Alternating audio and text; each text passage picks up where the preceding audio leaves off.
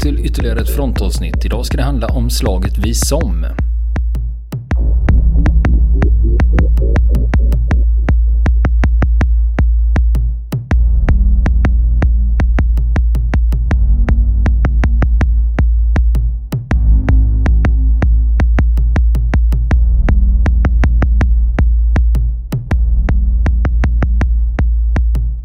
Just det. Vi har, vi har ju pratat om slaget vid Verdun tidigare i den här, den här podden. Och det började ju utspelas 1916, också 100 år sedan. Och det här är också ett dystert hundraårsminne då, slaget vid Somme från första världskriget. Där man liksom kan snacka om det här just eh, kärnan i skyttegravskrigets elände. Fabriksdödandet. Exakt, exakt. Och eh, där, eh, där den första dagen av slaget vid Somme, alltså som var den första juli 1916, var och är fortfarande den blodigaste dagen i den brittiska krigshistorien. I antal stupade då? Antal stupade och sårade. Det har inte överträffats än idag. Har det inte gjort. Som, eh, kanske som tur är, kan man väl säga, i sammanhanget. Men eh, Eh, de här slagen då, Verdun, det vet jag att det pågick under större delen av eh, 1916. Och som var också ett extremt långdraget slag. Det pågick, som jag sa, började första juli. Och sen pågick det i 141 dagar. Alltså ända till mitten av november 1916. Så eh, pågick de här striderna på det här avsnittet vid floden Som. Som ja, har döpts efter efter detta då. En miljon stupade och sårade räknar man med ungefär i grova drag. På båda så sidor. Det, det var ingen ort eller någonting som heter Somme utan Nej, det är en flod. flod. Det är en flod ja. Det var där i grannskapet av den floden då som frontlinjen gick då vid, vid den här tiden under första världskriget. Eh, och 1916 då är man två år inne i världskriget. Och på västfronten så är det skyttegravskrig som har rasat. Nästan ända sedan, ja, hösten 1914. Eh, man har grävt, grävt ner sig då i, i djupa skyttegravsystem. Och med ingenmansland emellan och genomfört och speciellt då fransmän och britter, de ena meningslösa anfallet efter, efter det andra. Mot motståndarens skyttegravslinjer då. Eh, som låg i östra och eh, nordöstra Frankrike. Men de hade stått mm. still där sen, eh, hur länge hade man stått still där? Då? Ja, sen, sen hösten, senhösten 1914. Så hade, så hade det stått still kan man säga. Med vissa mindre justeringar av fronten. Någon kilometer hit och dit. Några hundra meter hit och dit. Till väldiga kostnader i människoliv då.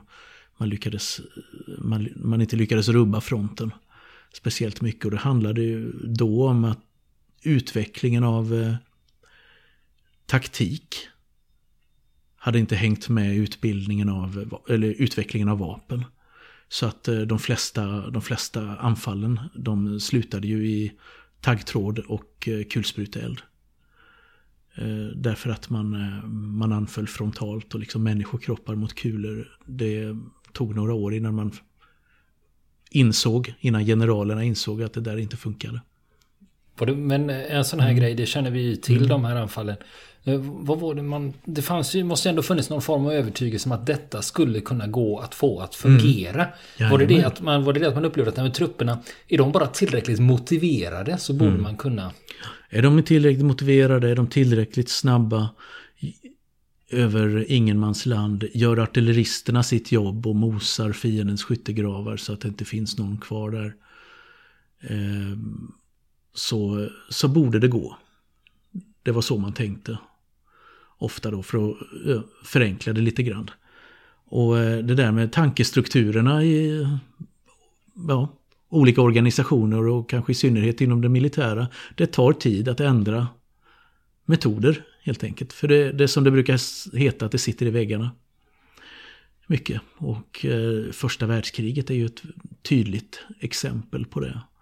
Hur, när man går in med idéer som är ganska ålderdomliga men med eh, för den tiden supermoderna vapen. Och så fattar man inte vad det är som händer. Varför funkar inte våra recept? Varför funkar inte vår taktik?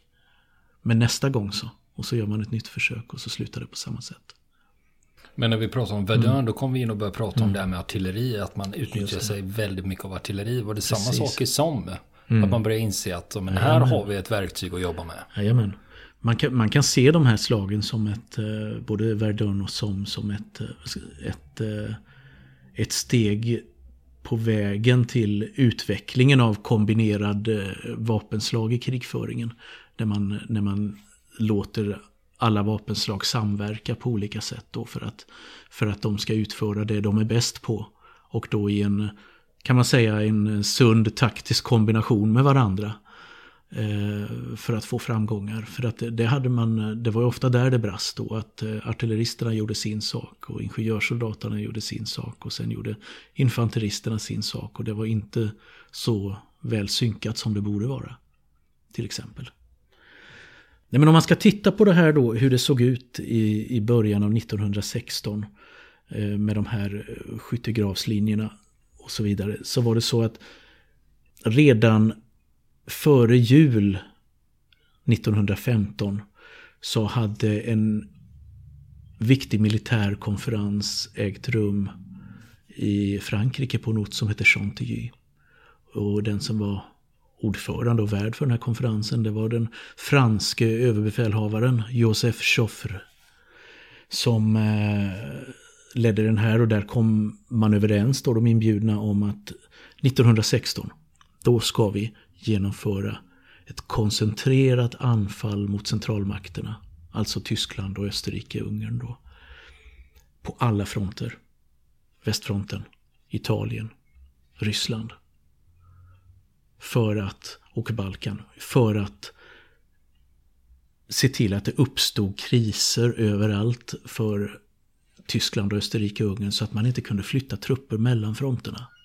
Där de behövdes då. Du vet lite brandkår hit och dit. Utan, utan man skulle gå loss från alla håll samtidigt. Var det tänkt. Då funderade man då på västfronten. Då var det just det här området vid Somme man tänkte slå till britter och fransmän tillsammans i en väldigt stort upplagd offensiv då med massor av divisioner. Fanns det någon särskild anledning att man valde just som? Fanns det någon Ja, det, fann, det, fanns en anledning. Eh, den främsta anledningen, han hette Alexander Haig. General, brittisk general.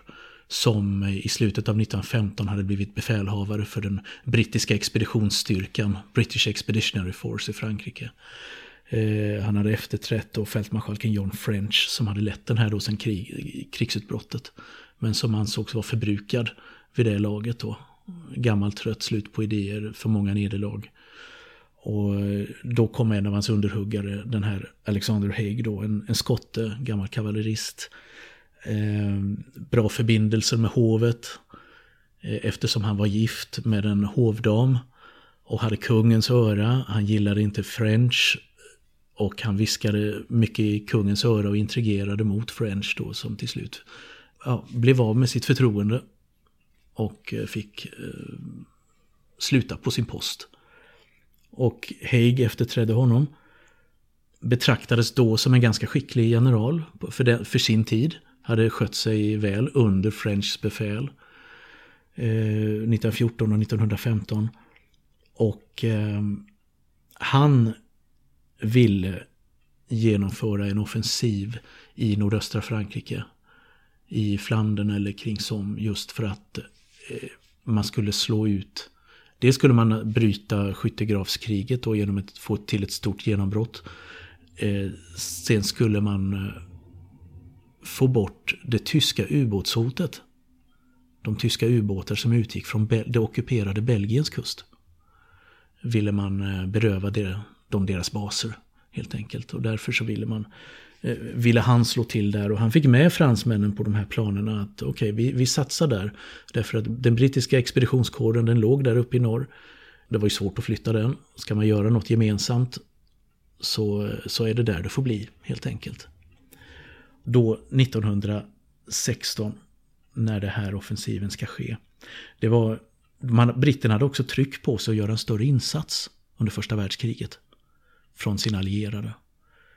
Frankrike hade haft enorma förluster under, dittills under kriget. Britterna hade också lidit svåra förluster vid Ypres till exempel och Mons Men det var 1914, 19, början av 1915. Men eh, fransmännen tyckte helt enkelt inte att britterna hade tagit fullt ut sin del av bördan av kriget. Och därför skulle det här bli den brittiska arméns stora stund då. Att visa, dra sitt strå till stacken helt enkelt. Och eh, när Storbritannien gick i krig 1914, då bestod den här expeditionsstyrkan av sex divisioner. Och man kan räkna en division i genomsnitt 15 000 man. Men de flesta av de här, de var borta. De här soldaterna när man är framme i början av 1916. De var förbrukade, de, var, de låg eh, i, på krigskyrkogårdar. Eller som eh, befann sig hemma i Storbritannien som krigsinvalider. De flesta av dem. Ehm, så istället så hade man satt upp en ny armé. Som vid det laget bestod, bestod expeditionskåren av 60 divisioner. Från 6 till 60 divisioner hade man gått på två år. Och eh, det här kallades, den gamla armén kallades för Old Contemptibles.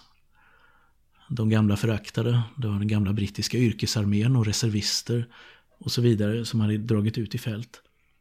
Och de hade ersatts av det som kallades för Kitcheners Army. Har du hört talas om den? Nej, aldrig. Har du sett en affisch med en gubbe i mustasch som pekar? Ja, just det. Och då talar vi inte om Onkel Sam. I want you. Ja, precis.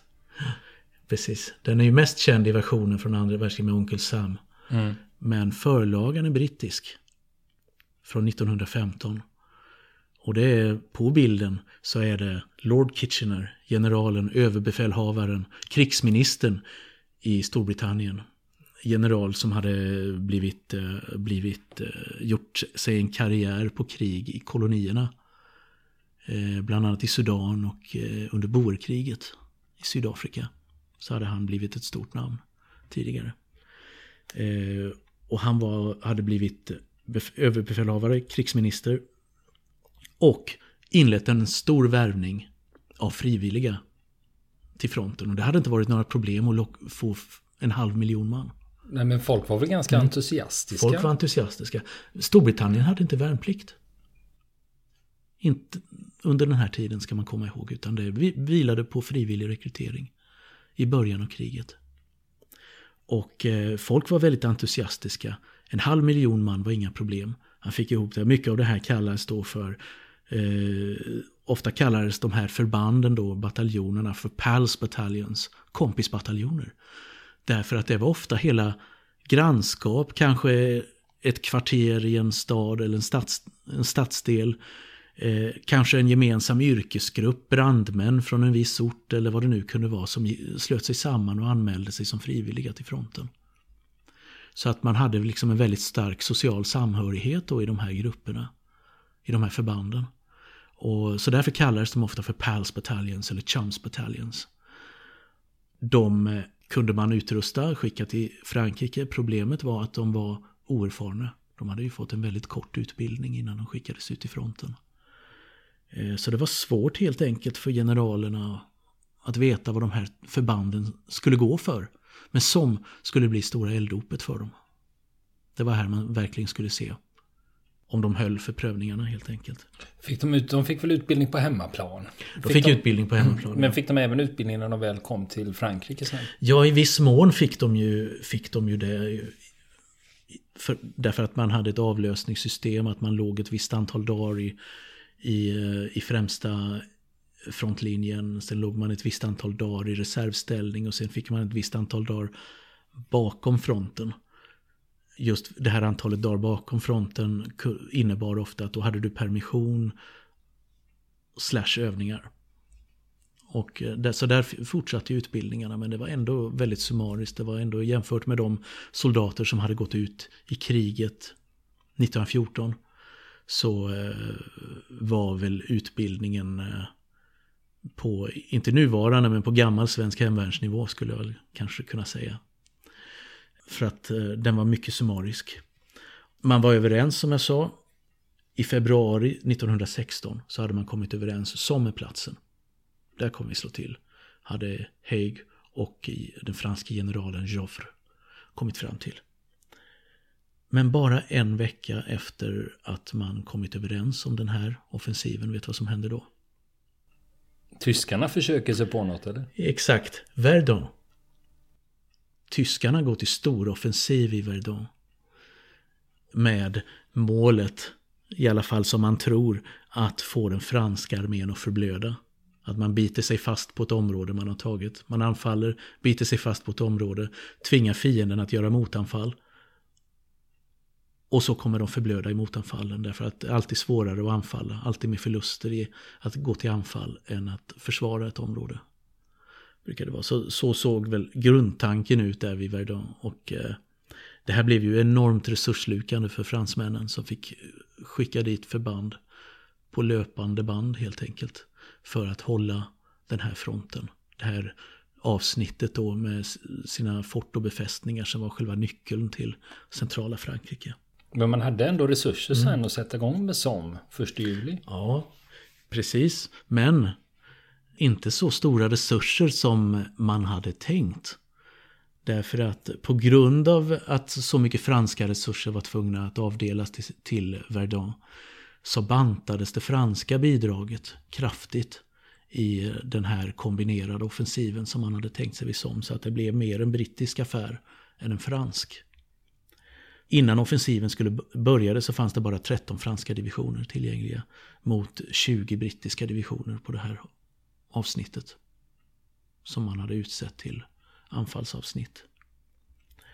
Och dessutom kom det ju, så det blev ju en, det blev inte den här stort upplagda offensiven som, som Haig hade och Joffre hade drömt om att det var här man skulle bryta sönder det tyska skyttegravssystemet.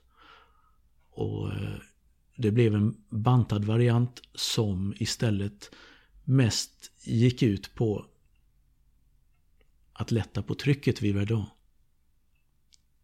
Att se till att tyskarna inte kunde skicka in mer trupper till Verdun. Utan att binda dem vid Somme istället.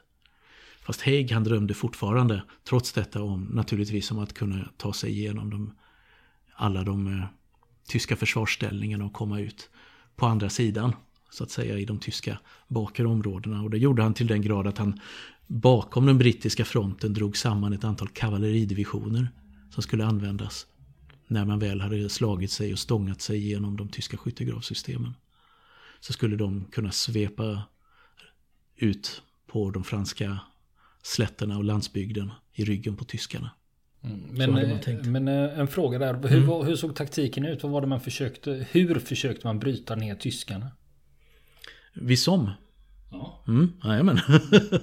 jo, vi, vi kommer i tyskarna kan man säga vid det här laget. De, eh, på, på, alla övriga avsnitt än Verdun då, där man hade beslutat sig för att gå till anfall, så höll man fast vid ett envetet, hårdnackat försvar av sina skyttegravar därför att man hade begränsade resurser.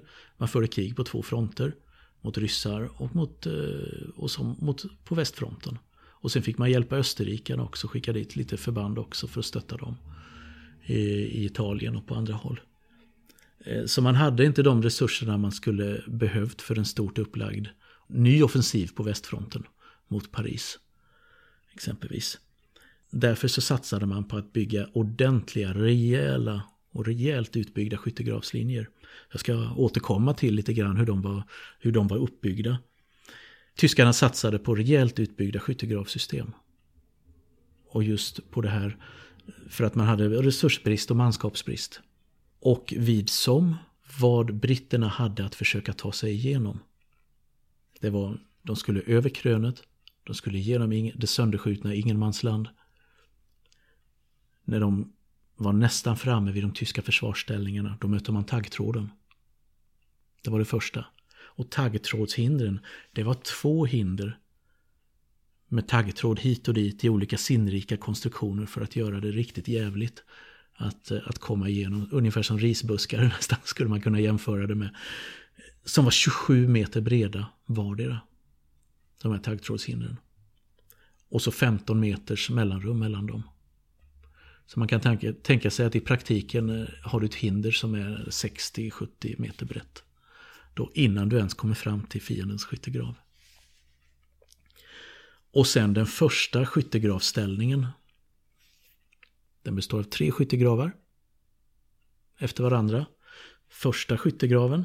Där har du kan man säga vaktstyrkor och de första försvararna då i, i det här området. Kan man, man kan kalla för förposter egentligen. Som håller utkik efter fienden, man har kulsprutor, man håller beredskap så ingen kommer vare sig dag eller natt över ingenmansland på det här området. Eh, nästa skyttegravslinje den låg kanske 150 meter i genomsnitt bakom. Och där, den kallades för Wohngraben på tyska. Och det är den skyttegrav där huvuddelen av manskapet höll till. Alltså där man bodde. Ja, det betyder ju det. Ja, bostads... Grav. Graven, ja precis. Bostadsskyttegraven helt enkelt, eller logementskyttegraven. Där fanns inkvarteringarna för de flesta soldaterna som fanns i eh, första försvarsställningen då. Och 150 meter i genomsnitt bakom den, där låg nästa skyttegrav. Och där låg reserverna. Där hade man eh, reservförband som skulle kunna användas för att proppa igen hål som uppstod i försvaret eller att gå till motanfall om fienden lyckas ta avsnitt av skyttegraven. Så har man reservstyrkor där som ska kunna storma fram. Och de här var ju naturligtvis sinsemellan förbundna då med, eh, med löpgravar. Så att man naturligtvis som man slapp springa ovan jord. För det skulle ingen kunna ha gjort i dagsljus där. Om vi går tillbaka till den första skyttegravslinjen så fanns det ibland till och med värn, eh, betongvärn på vissa avsnitt. Där och vissa, vissa posteringar med kulsprutor och sånt som hade, hade gjorts i ordning. Och logementen, de låg djupt under backen på det här området. När man tänker på de, det vanliga bilden vi har när vi talar om skyttegravskriget, det är det man känner igen från de brittiska och franska skyttegravarna. Där det står i knädjupt vatten, ibland midjedjupt vatten, det är lerigt, det är eh, förfärliga förhållanden. Det berodde ofta på att det var tyskarna som hade valt vilken plats de skulle lägga sina skyttegravar på. Och de la dem naturligtvis där det var lite höglänt terräng. Så där var det ofta betydligt torrare och finare förhållanden. Medan det var sump, väldigt sumpigt där britter och eh, fransmän hade sina. Men det finns, ju också, det finns ju också en taktisk mm. anledning att, ha, att ligga lite högre ligga. än vad fienden ja, gör. Det var den för, precis, och det var ju den huvudanledningen. Och det fick, men den fick den positiva effekten i många fall då att det var helt enkelt ofta bättre förhållanden eh, för soldaterna i de tyska skyttegravarna. Marken var dessutom väldigt, väldigt kalkrik mark i de här i Sommområdet där eh, tyskarna hade sina skyttegravar. Vilket gjorde det väldigt, väldigt stabilt, väldigt lätt att bygga, väldigt lätt att gräva djupt i det här. Och logementen låg djupt, djupt under backen, nästan som Vietkong i senare krig. Och eh, vilket skulle få en betydelse sen när själva offensiven satte in.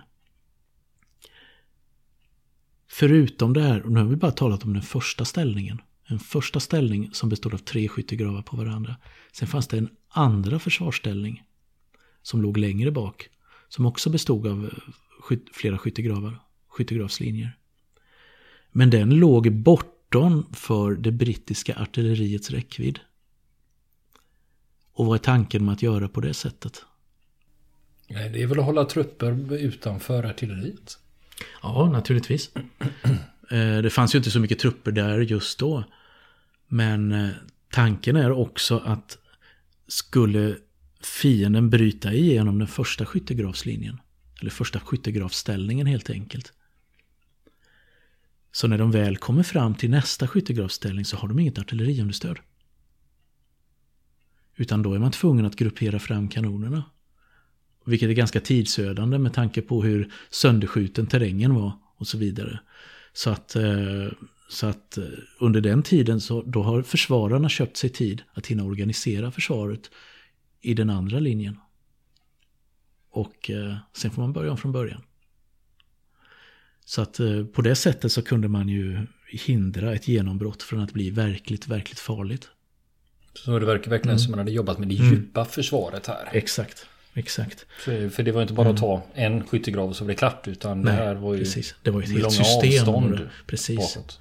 Precis, och flera linjer efter varandra och sen kom du vidare några kilometer och sen kom du nytt system och så fick du börja nöta där igen. Så det, var ju, det här var ju en av orsakerna till att det blev inte så stora vinst... Helt enkelt inte så stora um, terrängvinster under första världskriget. Att när man väl bröt igenom så kunde man inte utnyttja det här genombrottet. Liksom att sprida ut sig och, och så vidare. Därför att då, man stötte alltid på en ny försvarsställning. Förberedelserna. Ja, som jag sa, man drog Haig, general Haig, han var så optimistisk så han drog, drog ihop kavalleridivisioner bakom fronten. För att kunna använda dem. Och han drog samman massor av artilleri. Huvuddelen av det brittiska artilleriet på västfronten drog samman på sommaravsnittet. För den här offensiven. Och inte nog med det. Det pågick aktivitet under mark, under jord också. De gräver sig fram för att spränga. Exakt. Man gräver tunnlar under ingenmansland in under tyskarnas ställningar på vissa nyckelpositioner. För, och det är ingenjörstrupper, brittiska Royal Engineers. De hade något som kallades för tunnelkompanier, tunnel companies. Speciella, ofta sammansatta av gruvarbetare. Som, eh, som arbetade med detta då att, att ty, i tysthet det fick inte förekomma för mycket ljud för det kunde fortplantas upp och de kunde bli avslöjade. Men som bit för bit, meter för meter gräver sig in då flera hundra meter under ingenmansland och in bakom under de tyska ställningarna. Är det inte därifrån ordet mina kommer? Jo, Mine, mining, Mm, gru, gruvdrift. jajamän.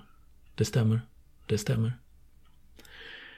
Och man bygger alltså, och där, när man väl är, ja, det är ju naturligtvis svårt att orientera sig så man fick ju räkna väldigt mycket på var man var, riktning och eh, längd på, på eh, tunneln och så vidare och se till att man höll sig på rätt djup hela tiden då så att det varken steg eller sjönk då.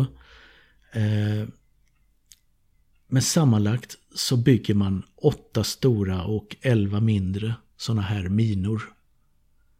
För när man var framme, hade grävt tunneln färdigt, sen byggde, grävde man ur en stor kammare. Och den proppade man full med sprängämnen.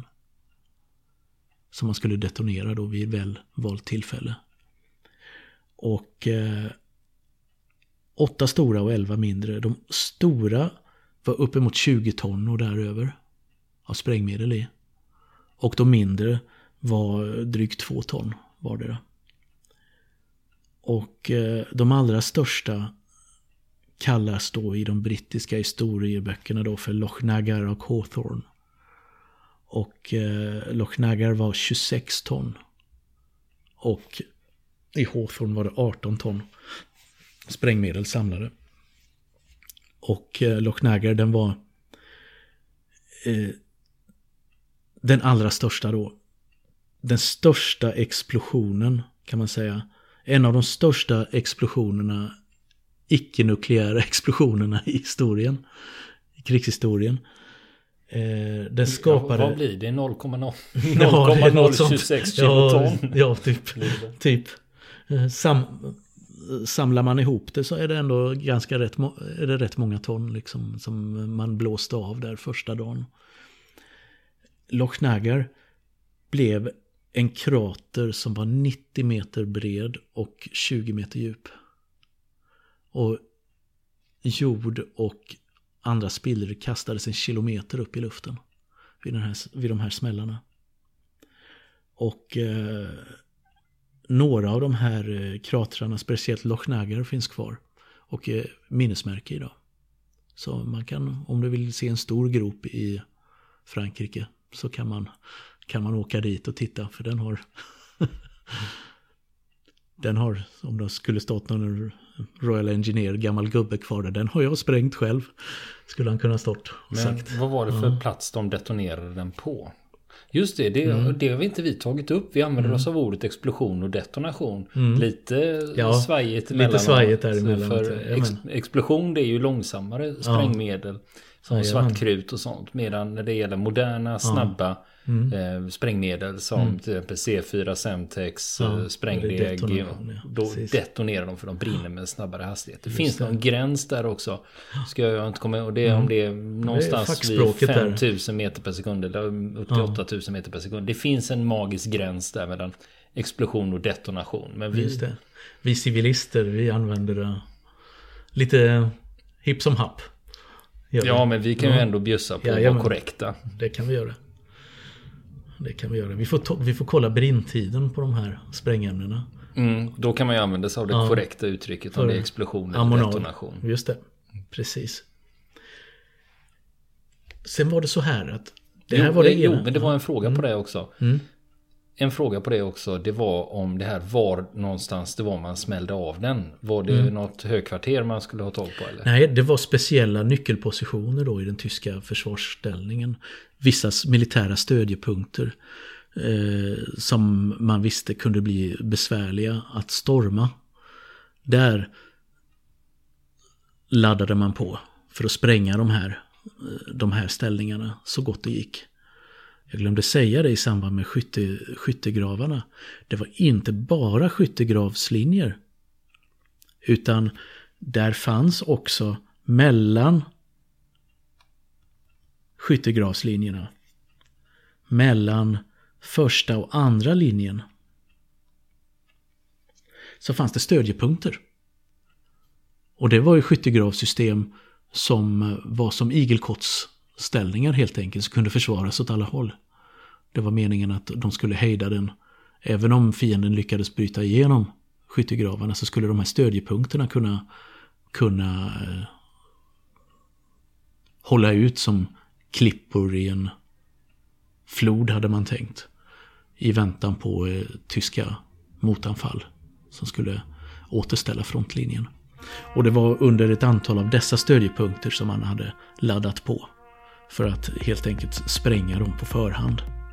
Och nästa vecka fortsätter vi historien om slaget vid Somme 1916. Vill ni komma i kontakt med oss så kan ni göra det via vår Facebook-sida som heter Fronten. Det är inga problem för er att leta er fram där. Eller också så mejlar ni på vår mejladress och det är frontenpodcast@gmail.com.